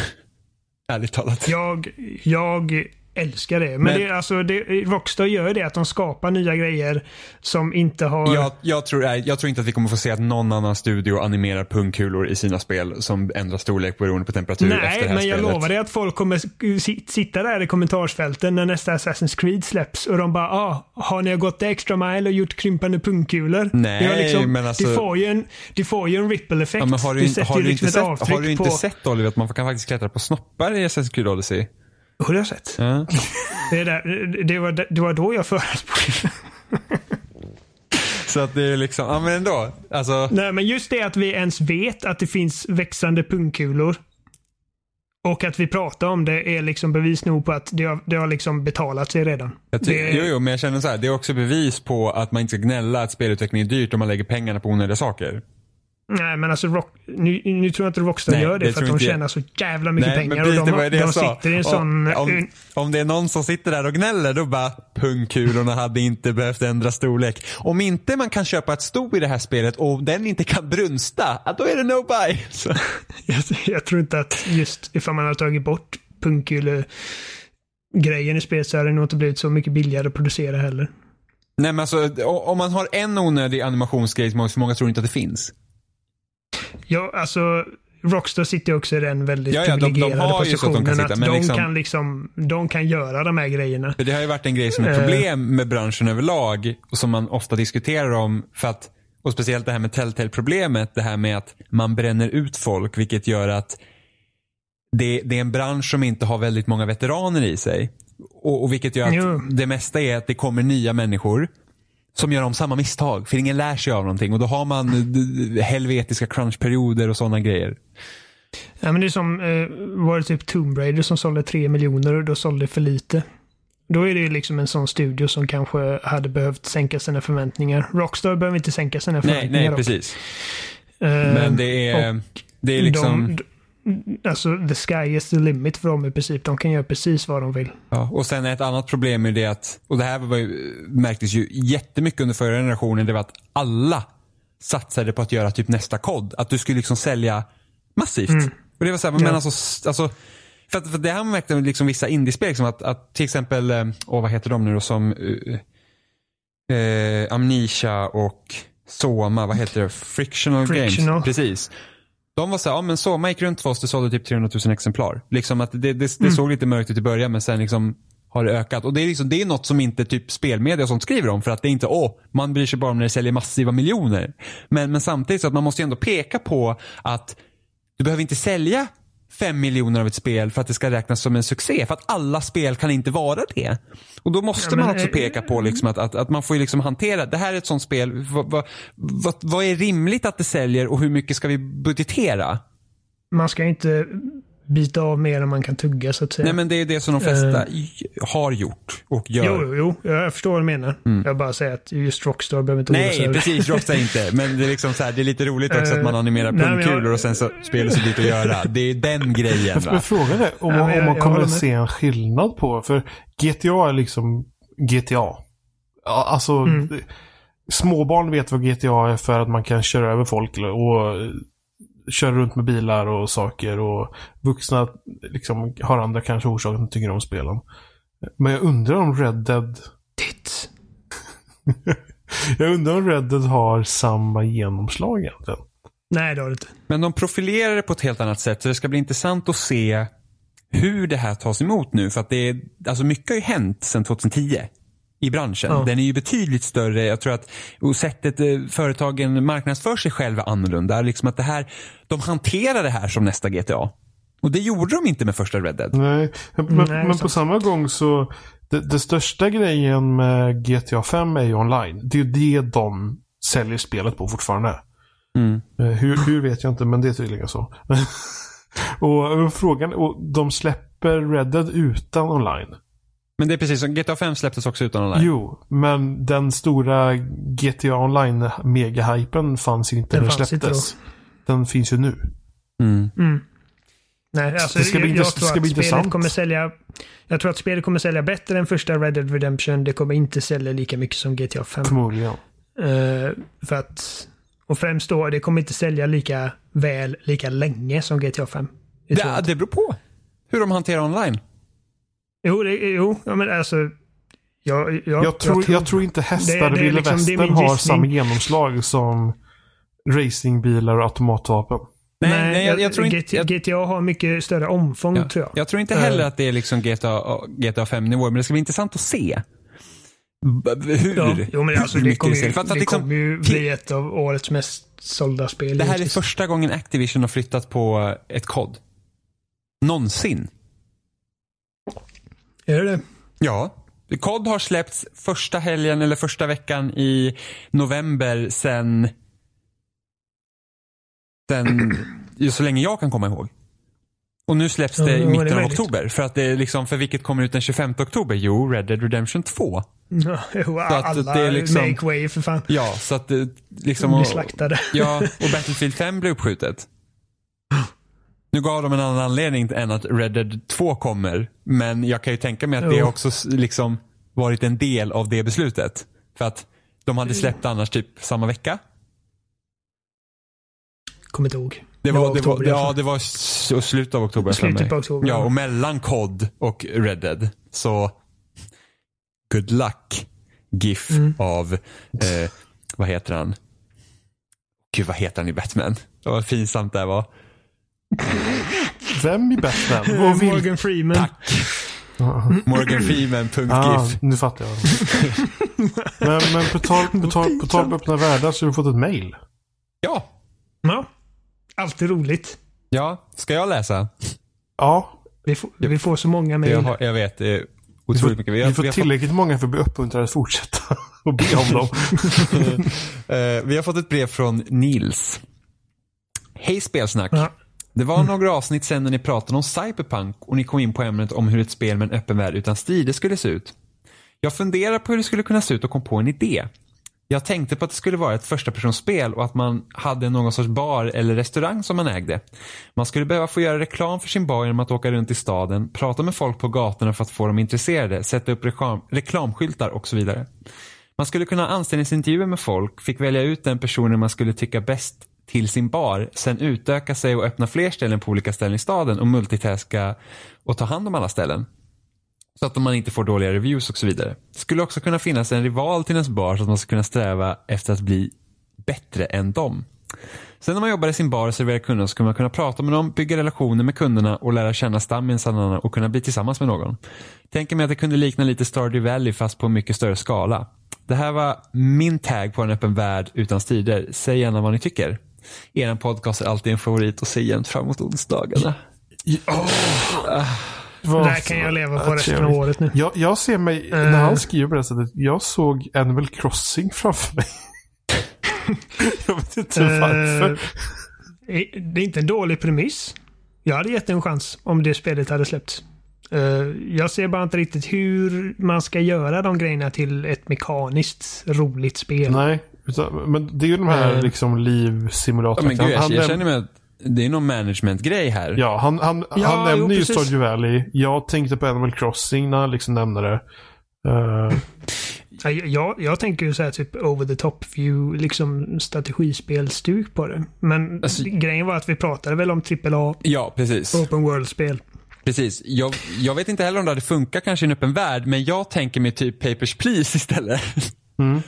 Ja, Eh, ah, för, att, för att jag tror hela den här bar, alltså att man är bartender, att man arbetar i en bar, det tror jag är en jättebra idé för en, men för ett spel som handlar om att bygga relationer. För att typ en av mina favoritdelar i Catherine är när man inte spelar det helvetiskt svåra pusselspelet utan när man Ja, sitter och konverserar med sina kompisar i baren. Alltså det, jag hade, hade spelet varit det så Ja. hade jag spelat det Ja, det är liksom så här, det är Nu så- gjorde jag den inte jag det. tänker det på är- Vad sa du Johan? så den jag tänker på är att, att utan våld. Spelet behöver kanske inte leta efter våld på det sättet, men jag tänker en, är det inte lite motsägelsefullt att ha ett spel om en bar och det inte är någon typ av slagsmål. Det har man ju, Ah. det har man ju bouncers för. Ja, fast det handlar väl om också att du, generellt sett så är det Jo, men- inte du som slåss. Nej, såklart. Men jag menar att det finns någon typ av våld i spelet.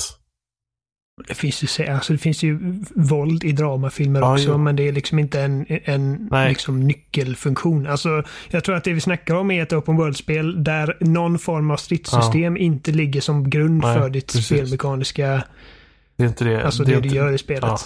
Nej, men precis. Den, sen hade man ju Mm. kanske kunnat haft så att du har, alltså om man inte tar, du hade ju kunnat då, om vi tänker nu så, så, så det, när vi tänkte runt Cyberpunk där, så hade man ju kunnat, du hade ju fortfarande kunnat spela som en karaktär som var bartender men kanske baren inte i fokus också. Med att få det Ja, att funka absolut. eh, på något sätt. Men alltså, alltså jag hade ju älskat att spela ett spel som bartender, liksom där hade handlat om att bygga relationer med folk. Ja, man typ, okej, vad, vad, vad består den här drinken av? Vilka ingredienser jag behöver? Okej, nu ska vi prata med den här kunden. Den här kunden har problem med frugan. Okej, ja, ska vi göra några råd? Man får, Eh. man får sitta så här typ, man får blanda drink samtidigt som man försöker hålla igång konversationen och så blir det Ja. Alltså jag, jag går igenom någon sorts mörk historia. Det är någon som typ knarkar ihjäl sig på dass eller blir, blir ihjälslagen i bakgrunden eller någonting. Och så blir det så här tragiskt. Någon person som man har Johan vill att vi Man konverserat med flera kvällar på Jo- Johan raken. vill ha Typ. spelversionen av Under ytan. Man hade kunnat ta det i vilken riktning som helst. Eh, premissen är rolig. Ja, det enda jag tänker är liksom bara, alltså hur ser det ut rent mekaniskt? Liksom? Vad är liksom den central den centrala mekaniken? För jag kan förstå liksom att typ, om, när man väl står bakom bardisken så kan det vara liksom ett typ så här minispelaktigt liksom. Men i ett, vad, vad är det man gör i den öppna världen? Förutom att prata med folk. Tänk om det Ja, bara var det. Att prata med Ja, folk. alltså, ja, jag känner ju liksom att konversation, alltså, jag tror att hade man kunnat utöka någon så här konversations, liksom, om, om, man, om man verkligen fokuserar på att konversera med folk, då tror jag att man kan faktiskt öppna upp nya möjligheter som inte har gjorts tidigare. Jo, jo. Det, Och så, och så väljer liksom- man, säg att man har liksom en ganska lång så här bar, barbänk, bardisk säger man kanske. Eh, Och så väljer man vilka man pratar med. Beroende på vilka man pratar med och bildar relationer med så händer olika saker. Ja, men precis. Men tänk, tänk att vi, vi har den här öppna världen och så, så kan man kanske öppna upp det som ett liksom, Och sen du fortfarande har kanske en, en promenadstråk hem eller någonting sånt Ja, där. och sen beroende på vilka människor du pratar med så kommer storyn ändra, liksom, ändra sig beroende på vad du har. Och så- Det gör att omspelningsvärdet kan vara väldigt högt. För pratar du med andra personer så kommer du få se andra saker. Det är inte, nej, nej men jag, jag tror inte det hade varit möjligt att gjort någonting där. Om man, Det här, alltså det här leder in ganska bra på en annan grej jag har tänkt på sen igår. Eh, som jag hade tänkt göra en egen grej av typ nästa vecka. Som ett annat ämne. Men alltså det känns bara för perfekt för att inte nämna det. Alltså när jag spelade stuntuppdragen i Horizon 4. Kände jag bara, alltså jag vill ha ett spel som handlar om att göra film. Spelar du eh, Peter ju... Molyneux Ja. The Movies? Fast det, var, ju- fast det var inte hans spel, men det var hans studio som gjorde det tror jag. Ja, okej. Ja, för det, Jag gjorde inte det, men det, det kommer jag ihåg när jag läste om det i, eh, i PC Gamer. Det, var, Så tyckte jag det, det låter ju typ som mitt drömspel. Ja, det och lät det- kul, men det var inte så kul. och det fanns på listan att Nej. komma till PS2, Xbox och GameCube hur länge som helst. Och jag var alltid så här, där vill jag Mm. ha. Jag har The Movies på PC, men jag köpte det så många år efteråt så att när jag började spela det så var det så här bara, eh, jag orkar det, inte. det är verkligen inte kul och att göra film, man kunde göra filmer själv och klippa ihop dem och sådär. Och det var liksom inte... Jag är inte tillräckligt Ma- ma- avancerat. Nej, och så fick man ha väldigt bra Mm. fantasi för att få någonting bra Ja, gjort. för det var ju väldigt mycket så här sim, simaktigt, eller hur? Typ The Sims. Ja. Alltså det är ju liksom typ The Movies Tycoon liksom. Så här, du bygger upp byggnader, du får liksom simelementet på det sättet att du vill göra så att dina filmstjärnor mår bra och så vidare. Mm. Och börjar de supa och bli alkoholiserade slänger de in dem på rehab och så vidare. Eh, så det är så här lite micromanagement på den Lindsay nivån. Ja, typ. Men det var ju en grej med The Sims 2. Att, att skriva eh, korta berättelser med The Sims 2 genom att ta screenshots. Man, jag tror att det här till och med att om det var Superplay på den här tiden gjorde reportage om det här. Och det fanns typ en hemsida där folk liksom laddade upp. Jag undrar om det kanske var Sims egna hemsida som hade sådana grejer. Men man kunde skapa... SVTs kontroll eller det fanns väl något program som hette, hette det Extraliv eller någonting? Gick på typ TV4 eller någonting. Ingen aning. Men det här är Ja. alltså från, det här är tidigt 2000-tal. Jo, men det, var- men det var ett tv-reportage om det här också. De, eh, om eh, när de gjorde liksom filmer i The Sims och testade Ja. de även göra det i det tv-programmet. filmer och liksom kort så att de, liksom, de spelar som någon sim. Liksom, och sen så hittar på någon backstory och sen så spelar de och sen så tog de screenshot och sånt och sen beroende på hur det gick så skrev de liksom bättre. än- Alltså jag, jag läste sådana hur mycket som helst. En, en gång i tiden liksom för att det, det, alltså folk var så himla kreativa. Så det, det var intressant. Apropå bar. Nej, men om man tänker ja. Ursäkta, jag, jag bara, alltså om vi tänker på liksom ett, ett AAA open world-spel där man ska göra film. Jag, jag föreställer mig typ att man spelar liksom en, en producent eller någonting och så, så börjar man med att man ska försöka göra någon lågbudgetfilm. Eh, kanske välja liksom lite vilken inriktning den ska ha och sen kanske till och med spela liksom eh, stundsekvenserna och sen så klippa ihop det och välja vinklar och grejer efterhand. ja och sen typ välja pitcha det locations och till- grejer. Ja, och pitcha det till liksom eh, olika filmstudios och sen så genom spelets gång göra, få göra hö, med högre och högre budget och sådana grejer. Ehm, det, det, alltså det, finns, det finns ett gammalt spel som heter Stuntman som, som det, det är i princip det fast man gör ju bara liksom fordonsstunts då. Mm. Jag hade rätt roligt med det men jag hade tyckt det var kul liksom att vara mer inblandad i Produktionen. i liksom skapandet. Och, ja, precis. Eh, annat än att bara göra, liksom köra, köra bilar ut för stup och grejer. Eh, utan också kanske, det var kanske vanliga actionscener. Och, Det spelet alltså, som eh, Criterion arbetade på som visades upp för E3 eh, x antal år sedan. Det var ju också typ någon så här typ extremsportstunt grej. Som, Mm. Det lades ju ner dock men eh, ja, men det, det hade varit coolt om man hade kunnat få det att funka. ja, ja men det hade varit jättekul. Men alltså det, det, tråkigt nog så låter det väldigt smalt. Jo, men det är för att jag är smal. Men det är för att folk vill bara ha sina Fortnites.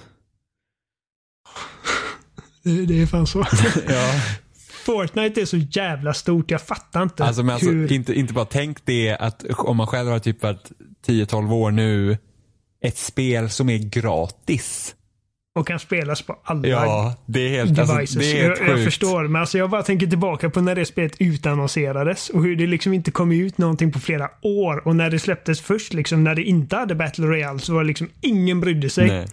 Alltså inte en jävel. Och sen så bara liksom, så, ungefär som att som i ett desperat försök att liksom rädda hela skiten. Bara, ja, men det är PubG är rätt populärt, vi gör något sånt. Och så slängde de ihop det typ på en helg.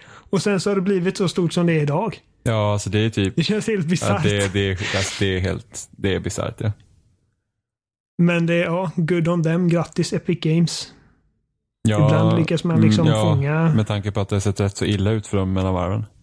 Ja, Liksom här, ibland lyckas man fånga eh, lightningen bara. för det var det de fick ju lov att, det var därför de inte ville utveckla fler Gears. För att det blev dyrare och dyrare att göra spelen men de sålde inte mera. Nej. Och då kan man tänka typ att Gears 3 sålde vi typ 11-12 miljoner och sånt där. Men alltså det, det, det blir liksom att det, det blir inte hållbart för dem när de är så, för de är inte så stora. Microsoft tog väl en del av kakan också så att Mm. så är det. Ja, nej, men det är filmspel eller barägarspel. Det ska Bartenderspel. komma de som gjorde, de som gjorde, oh, gud vad heter det nu då? Uh, Oxenfree ska ju komma med ett, med ett spel som, där det går ut på att man ska dricka sig ut ur helvetet. Som heter After Party som kommer, jag tror nästa år. Det ser jag fram emot. Låter som typ så här baksmällan spin-off. Nej, inte riktigt. Men det är typ att, Zac Galifianakis och... nej, men det är typ så att två stycken bästa vänner har dött, de kommer till helvetet och för att komma ut ur helvetet ska man supa djävulen under bordet. Det är så man slipper ut därifrån. Så att, eh, ja, Ja, ja. det ska bli intressant.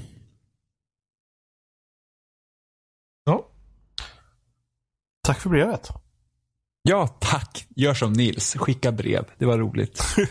skicka brev. Skicka, skicka, snigel, skicka snigelbrev. Vi har ingen Ja. eh, adress. Ni Det, får... men det är, ju- det är ju den enda förklaringen till att vi får så lite mail, för att folk skickar brev. Postnord levererar inte. Då kommer de En, ju det, fram. är, det, är, den- det är den enda logiska förklaringen jag ser. Nej, och utöver hans brev så tror jag inte vi har något mer den här veckan faktiskt. Nej. Nej. Nej. Vi finns som vanligt på spesnack.com och där hittar ni länkar till alla ställen där vi finns. Eh, ni kan skriva till oss kontakt spesnack.com eller våra förnamn spesnack.com. Ni kan hitta oss på Instagram spesnackpodd eller Twitter spesnackpodd. Sen brukar Oliver säga lite saker också.